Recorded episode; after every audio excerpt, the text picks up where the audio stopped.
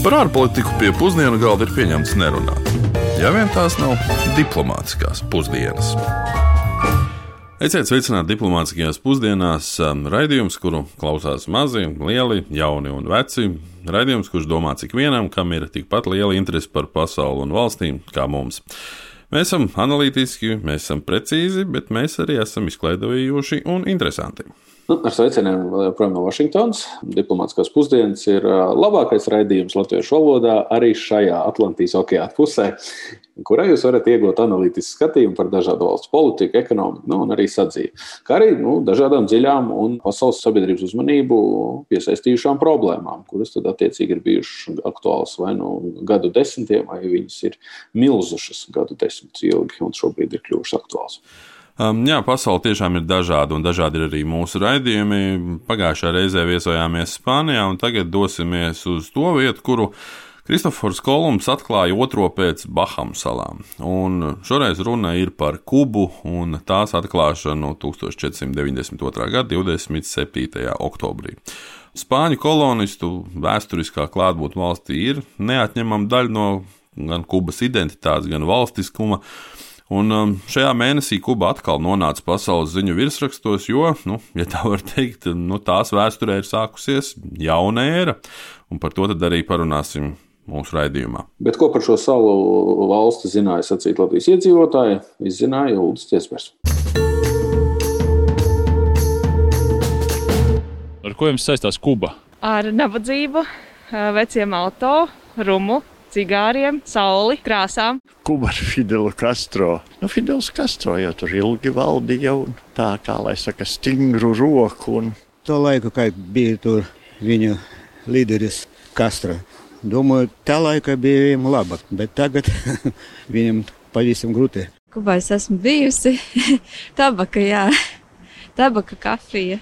Jā, tur ir ļoti skaistas vecās mašīnas, atrestaurētas, un arī ļoti skaista arhitektūra, bet nu, tā ir diemžēl diezgan švakā stāvoklī lielākoties. Man liekas, ar uh, cigāriem un tādiem kungiem, kas viņus pīpē. es domāju, ka revolūcija uh, un Čegavar. Kuba nu, ar Fidelu Castro, skaista zeme, sala, gribētos pabūt. Es tikko iedomājos, ka man Kuba varbūt asociējas ar uh, filmu Kapteiņa Enrico Pulkstenis un šo teicienu Granda Mīgo centra Fulgo un kubiešu jūrniekiem. Atceries tā? Jā, atceros gan, jā. Kubā cilvēki dzīvoja jau labu laiku pirms Kristofers Kolumbs ieradās salā. Nu, respektīvi, cilvēki tur no mūsdienām skaitot ir bijuši vismaz 6000 gadus. Un pēc Kolumbijas ierašanās Kuba līdzās citām Karību jūras salām bija, protams, Spānijas kolonija. Spāņu amerikāņu kara laikā Kuba bija tieši ASV pārvaldībā, bet no 1902. līdz 1959. gadam tā bija neatkarīga. Nu, lai arī ASV regulāri vēroja un reizēm iejaucās, kā mēs zinām, Kubā notiekošajā, bet nu, viņi bija neatkarīgi. Šis periods tādēļ arī tiek dēvēts par neokoloniālo republiku. Un izsūtījumā dzīvojošie kubieši gan šo posmu, tā kapitalistiskās sistēmas un demokrātiskuma centienu dēļ, dēvēja par brīvo Kubu, jeb Kuba Libre. Pēc brīvās Kubas nāca Fidels. Fidels Castro, kuru noteikti visi zina un atcerās. Un uh, Fidels Castro valdīja komunistiskajā Kubā nu, dažādos amatos, gan kā premjerministrs, gan prezidents, gan komunistiskās partijas vadītājs no 1959. gada līdz pat 2011. gadam. Nu, tādējādi viņš faktiski arī ir nu, viens no nu, mūsdienu vēsturē, varētu teikt, visilgāk vadījušiem valstu vadītājiem, nu, ja neskait, protams, dažādas monarhus, nu, vismaz 20. un 21. gadsimta ietvaros, nu, noteikti viņš bija viens no visilgāk vadījušiem. Nu, viņš pilnīgi noteikti ir arī pretrunīga politiskā figūra mūsdienu pasaules politiskajā vēsturē. Nomira viņš 2016. gadā, novembrī, neilgi pēc Trumpa ievēlēšanas. Sakritība, nedomāju. Domāju, gan, ka tomēr jā, bet mēs tikko nodemonstrējām mums klausītāji, cik viegli ir radīt sazvērstības teorijas. Bet, nu, beig beigās pasaulē tāpat vēl strīdās, vai Kastro bija brīvības cīnītājs un vienlīdzīgas sabiedrības radītājs, vai arī nežēlīgs diktators, kurš faktiski turēja savus valsts iedzīvotājus nabadzībā. Jā, un tie nabadzības rādītāji ir nu, patiesi izaicinoši. Un, nu, Kuba, kā zināms, ir viena no pēdējām sociālistiskajām valstīm pasaulē Un, um, lai arī pirms Kastro nākšanas pie varas Kuba bija viena no patiesībā attīstītākajām valstīm visā Latvijā. Un uh, šis Kastro marksisma, leņķinismu garā ieturētais pārvaldes režīms un arī ASV uzliktais preču embargo ir nu, pamatīgi ietekmējuši valsts attīstību šo vairāk nekā 60 gadu laikā. Un, uh, nu, Kuba ir centusies atrast partnerus visā pasaulē, nu, un sevišķi jau liels sabiedrotais savulaik bija Padomju Savienība. Nu, PSRS Kubai bija uh, liels draugs daudzu iemeslu dēļ. Un, uh, te, protams, ekonomiskā izaugsme bija saistīta ar pastāvīgām subsīdijām, kas nāca no Padomju Savienības. Un pēc Padomju Savienības sabrukuma, protams, Kubas ekonomiskās nedēļas sāka izpausties ļoti izteiksmīgā veidā. Cilvēki, kas ir pabijuši pirms un pēc, un redzējuši to. Es domāju, ka nevienam nav noslēpums, kā dzīves līmenis un, un, un ir, ir krities Kubā pēc augstākā kara beigām. Bet nu, pamatā vēl jāņem vērā arī tas, ka mazas valsts, kas ir Kuba, centieni izbalansēt blakus esošas kaimiņu valsts centienus, regulēt tās iekšpolitiku, nu, respektīvi centieni balansēties pret ASV. Un rezultātā mazai valstī ir ļoti neraksturīga tāda hiperaktīva un pat agresīva ārpolitika daudzās pasaules vietās desmitiem tūkstošu karavīru nosūtīšana cīņās uz tā saucamiem attālinātiem proksiju kariem, centieniem veicināt arī komunistu uzvaras, saikne, korelācija starp neproporcionālajiem militāriem izdevumiem un naudas trūkums, ko investēt ekonomikā, arī bija acīm redzams. No nu, ekonomiski, protams, padomju palīdzība, ražojuma tehnika bija visnotaļ lielā cienā. Bet nu, patiesa modernizācija Fidela Castro valdīšanas laikā tomēr, tomēr nenotika. Jo par kaut kādu ekonomikas liberalizāciju mēs faktiski varam sākt runāt tikai pēc tam, kad uh, Fidela Castro vietā stājās viņa brālis Rauls. Un, nu, jā, kopš 2011. gada kompartijas lēmuma valsts vara nu, sāk atbrīvot savu nu, sociālistisko ekonomisko sistēmu no nu, ļoti stingrās politiskās kontrolas. Un, Kubiešiem nu, jau ir atļauts pašiem celt un remontēt savus mājas, ir atļauts arī veidot mazus privātos uzņēmumus, nu, piemēram, nelielus restorānus atvērt. Ir atļauts iegādāties arī elektroniskās ierīces, mobilos telefonus, arī apmesties viesnīcās, pirkt un pārdot lietotas automašīnas. Un, jā, un starp citu, daudziem retro auto kolekcionāriem Kuba liekas gandrīz vai tāds kā svētais grāls, jo tur ir ļoti daudz unikālu mašīnu, kuras nav pieejamas nekur citur pasaulē. Bet, starp citu, Kubai ir bijusi raksturīgs arī nu, medicīnas personāla pakalpojumu eksports apmaiņā pret produktiem. Un, un šeit viens tāds uh, spilgts piemērs vēl pavisam nesen. Uh, Kuba arī vienai savai tuvai sabiedrotai Venecuēlai piegādāja aptuveni 30 tūkstoši medicīnas darbinieku apmaiņā pret regulārām naftas piegādēm. Caudabīgi. Par, par barteru ekonomiku. Bet cik tā patiesībā liela vai maza ir Kubas ekonomika ciparos? Nu, nācija ir 11 miljonus iedzīvotāju liela un tieši uz pusi nabadzīgāk nekā Latvija. Mēs skatāmies IKP uz vienu iedzīvotāju pēc Pasaules bankas datiem. Jāsaka, gan, ka uz veselību valsts tērē IKP apjomā procentuāli gandrīz divreiz vairāk nekā Latvija. Un aizsardzība arī ir nepilnīgs 3%, nu, kamēr mēs mūsu divus. Starp citu, par veselību runājot, tiek uzskatīts, ka Kuba pavisam drīz kļūs par mazāko valsti pasaulē, kura ir izstrādājusi pati savu Covid-19 vakcīnu. Bet Kubas lielākā eksporta prece, nu, parasti jau gribētos teikt, ka vai nu cukurs, vai nu cigāri, bet, nu, jāsaka, tā gluži nav. Un no cukuru gadījumā nu, tā cenas pasaulē pēdējās pāris desmitgadēs ir pamatīgi kritušās, un arī ne, ne visai efektīvās ražošanas dēļ Kubas cukurs ir zaudējis šajā konkurences cīņā, un patiesībā Kubai pat ir grūtības nodrošināt pat vietējo patēriņu. Tagad uh, turisma sektors ir kļuvis tas valstī ienesīgākais resurss, ja tā varētu teikt. Starp citu, turisti var arī nu, pabraukāt pa šīm Kubas agrākajām cukuru rūpnīcām, ekskursijās. Un, un arī turisma sektors Covid-19 dēļ tomēr ir faktiski paralizēts, un tas ir radījis milzīgas ekonomiskās problēmas. Līdzīgi kā cukuram, arī tabakai ir līdzīgs stāsts. Nu, Kuba nav lielākais pasaulē tabaks un cigāru ražotājs. Un, un, lai arī valsts eksportā tie joprojām ir aptuveni 10%, nu, jā, slaveni šie kubas cigāri un kāroti daudziem ir, bet ne dabonami. Jā, bet laikam teikt, ka mūsdienās cigāru eksports uh, uztur Kubas režīmu, tāpat kā cigarešu ražošana un eksports Baltkrievijas režīmu būtu pat daudz. Ne? Nu, ar Baltkrievijas režīmam pietuvinātiem tabakas oligarhiem ir diezgan daudz diskusiju arī Latvijas līmenī, varētu teikt, un viņi noteikti ir ietekmīgāki šajā rūplā nekā Kubas gadījumā. Nu, bet pārgrupēšanās Kubas ekonomikā, acīm redzot, notiek. Lielākās eksporta preces Kubai ir petrolēja, jā, bet tieši petrolēja. Niķels, tagad viņiem esot ap 4% pasaules tirgus. Medicīnas produkti, protams, un tad arī tabaka, kafijas, zīves nu, un cita lauksaimniecības produkcija. Interesanti, ka lielākie eksporta partneri ir jau pieminētā Venecuēla ar 18%, kā arī agrākā kolonizatora valsts Spānija un vēsturiskā partnera PSRS pārņēmēja Krievija. Nu jā, cik viss dabiski. Importā arī šāds, nu, ja var teikt, dabiskums ir vērojams, bet tikai nedaudz atšķirīgs. Importē no viena lielākajiem ražotājiem pasaulē, protams, no Ķīnas. Un, nu, It kā viss loģiski, Ķīna arī ir komunistu valsts, un nu, tie patiesībā ir 22% no kopējā Kubas importa apjoma. Ķīnai tad seko Spānija un atkal Krievija, un, starp citu, arī ASV. Un pamatā tiek ievesta nafta pārstrādē, tehnika, ķīmijas produktu un, protams, arī pārtika. Jā, paradoxāli, bet apmēram 3 ceturdaļas pārtikas Kuba ievada no ārpuses.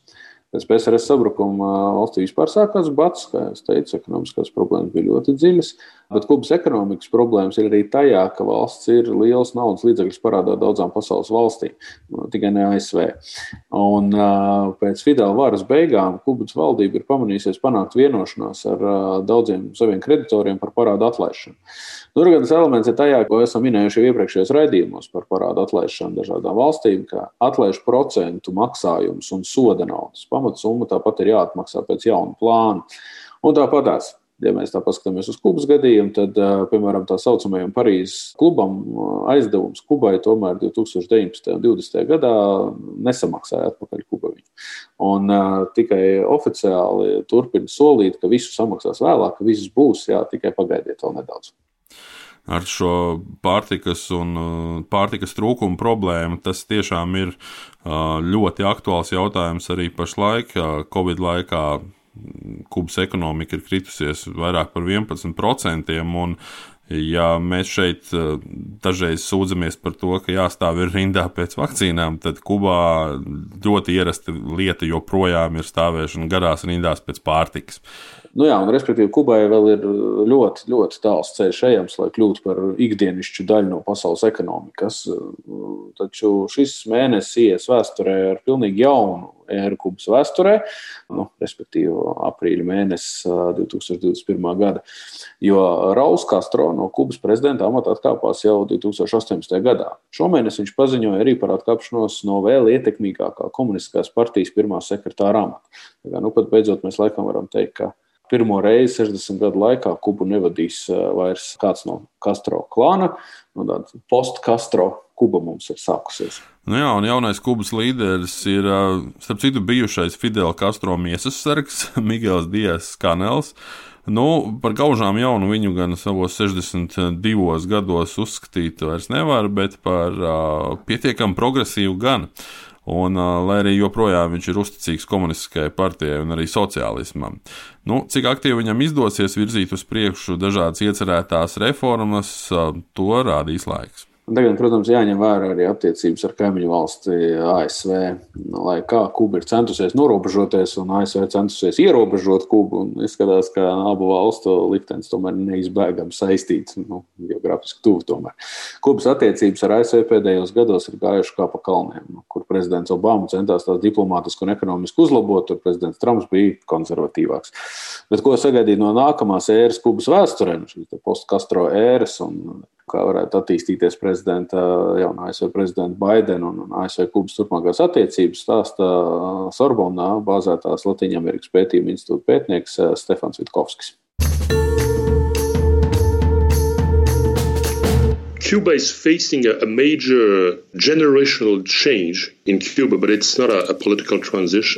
Kubai priekšā stāv nevis politiska pāreja, bet gan nozīmīga paudžu maiņa. Tas saistāms gan ar 60 gadiem kopš revolūcijas, gan dažādiem politiskiem un ekonomiskiem faktoriem. Šis tiešām ir jauns solis Kubas vēsturē, un režīms ir sācis runāt par revolūcijas institucionalizēšanu. Visticamāk, ka valsts pārvaldes formas, metodes un stils mainīsies ar jauno prezidentu, taču arī nākamajai valdībai būs jāsaskaras ar ASV embargo radītajām ekonomiskajām sekām. Runājot par jauno paudzi Kubas politikā, šeit jāatgādina, ka iemesls ir pirms diviem gadiem pieņemtā Kubas konstitūcija, kurā tika noteikts maksimālais vecums pie varas esošajiem valsts vīriem.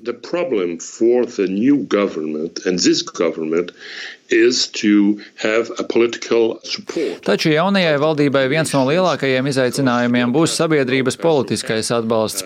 Fidelam un Raulam Castro šādu leģitimitāti nodrošināja revolucionārā pagātne. Viņi bija vēsturiski līderi. Bet tagad jaunajam prezidentam un jaunajai līderu paaudzē būs nopietns izaicinājums skaidrot pagātni un arī sarežģītās vēsturiskās attiecības ar ASV, ja, piemēram, nav skaidri saprotami katastrofālie notikumi cūku Pigs. Runājot par turpmākajām ASV un Kubas attiecībām, manuprāt, nekādu nopietnu pārmaiņu nebūs tuvākos divus gadus. Visiem amerikāņu prezidentiem, vai tie ir bijuši demokrāti vai republikāņi, ir bijis nepieciešams nodrošināties ar spēcīgu amerikāņu kubiešu lobiju atbalstu, un es neuzskatu, ka Džo Baidens nāks klajā ar kaut kādām iniciatīvām divu gadu laikā. Viņa galvenā uzmanība tiks pievērsta demokrātu vairākuma saglabāšanai vidustermiņa vēlēšanās. Ja arī kāda iniciatīva par attiecībām attiecībām ar Kubu būs, tad tikai viņa pilnvaru termiņa otrajā pusē. Jebkurā gadījumā tā pilnīgi noteikti nav viņa prioritāte.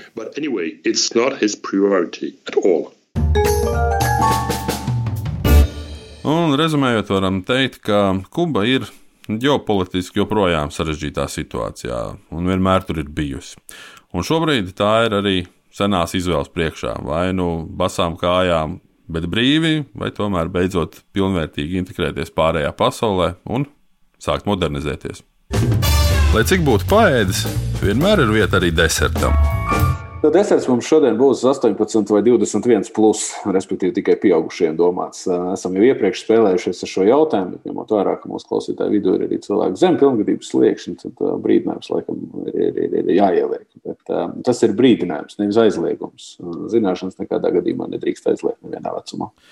Jā, zināšanas nevajag aizliegt, un tāpat nevajadzētu aizliegt arī Ziemassvētkus. Bet nu, Fidels Castro to izdarīja 1969. gadā, sakot, ka nu, katoļu valsts tagad būs ateistu valsts, un pārāk daudz zaudējums cukurnieku ražošanai šie svētki radot.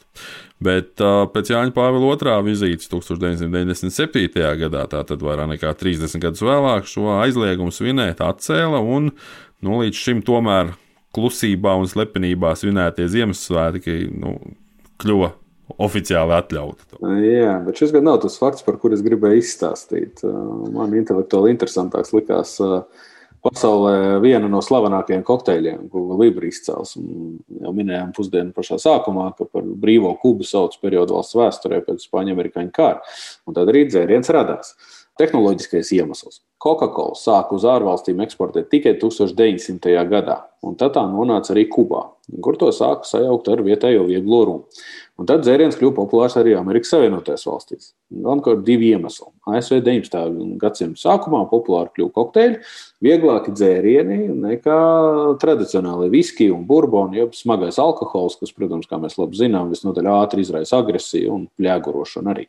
Un uh, otrs iemesls bija ASV sausais likums. Un Kuba kā vieta, kur alkohols bija pieejams. Un ruma Kubā, protams, kā varam iedomāties, netrūkst. Nu, tad rums un kola, jeb rumkola, esot otrs populārākais dzēriens mūsdienu pasaulē. Vismaz tā saka Bakardī kompānijas īpašnieki. Bakardī kompānija un Kubas rums gan būtu pelnījuši atsevišķu stāstu, bet sāksim ar to, ka Bakardī un Havana Club ir divi oriģināli no Kubas nākuši rumi. Nu, Daži gan teiks, ka drīzāk tiesot runa izstrādājumu, nevis īsti runa. Bakardi ir Pasaulē plaši pazīstama multinacionāla alkohola kompānija, kuras īpašnieki pirms Castro nākšanas pie varas emigrēja no valsts, un arī mūsdienās kompānijas galvenā mītne ir Bahamu salās. Nedaudz citu likteni piedzīvoja Havana kluba ražotājs Jose Arahabala. Tos Castro nacionalizēja. Bet 90. gada sākumā franču biznesmenis kopā ar Kubas valdību tomēr noslēdz vienošanos par kopīgu ražošanu un arī rūmu izplatīšanu pa visu pasauli. Nu, vienīgi uz ASV viņi neveda šo rūmu embargo dēļ, un nu, ASV atkal pieejamā Havana kluba versija ir tā paša Bakardī ražotā. Nu, tāda lūk, mums Kubas zināmāko produktu vēsture sanāca. Šo arī noslēdzam šodienas raidījumu. Nākamajā nedēļā mums raidījums diemžēl izpaliek, jo tas iekrīt 4. maijā valsts svētkos. Taču mūsu Latvijas Republikas neatkarības atjaunošanas deklarācijas kontekstā izdomājam, ka tāpat tās vajadzētu pakutināt, ja drīkst izteikties mūsu patriotismu. Un pēc divām nedēļām dosimies uz otro vietu, kuras kolonizēšanā vēsturiski ir bijis iesaistīts kurzemes hercogs Jēkabs. Nu, dosimies uz Gambiju, pašu mazāko kontinentālās Āfrikas valsti. Vēl tikai atgādināšu, ka atkārtojumos mūsu raidījumu diplomātiskās pusdienas varat klausīties Latvijas radio mājaslapā un arī jūsu iecienītajās mūzikas un audio stāstu, jeb podkāstu straumēšanas platformās. Atgādinu, ka raidījumu veidoja Esuģis Līvietis no Latvijas radio un no Pierīgas, un dr. Kārlis Bukovskis no Latvijas ārpolitikas institūta, kurš pašlaik joprojām bāzējas Vašingtonā. Uz sadzirdēšanos jau pēc divām nedēļām. Lai izdodas! Diplomātiskās pusdienas katru otrdienu pusdienos Latvijas Radio 1.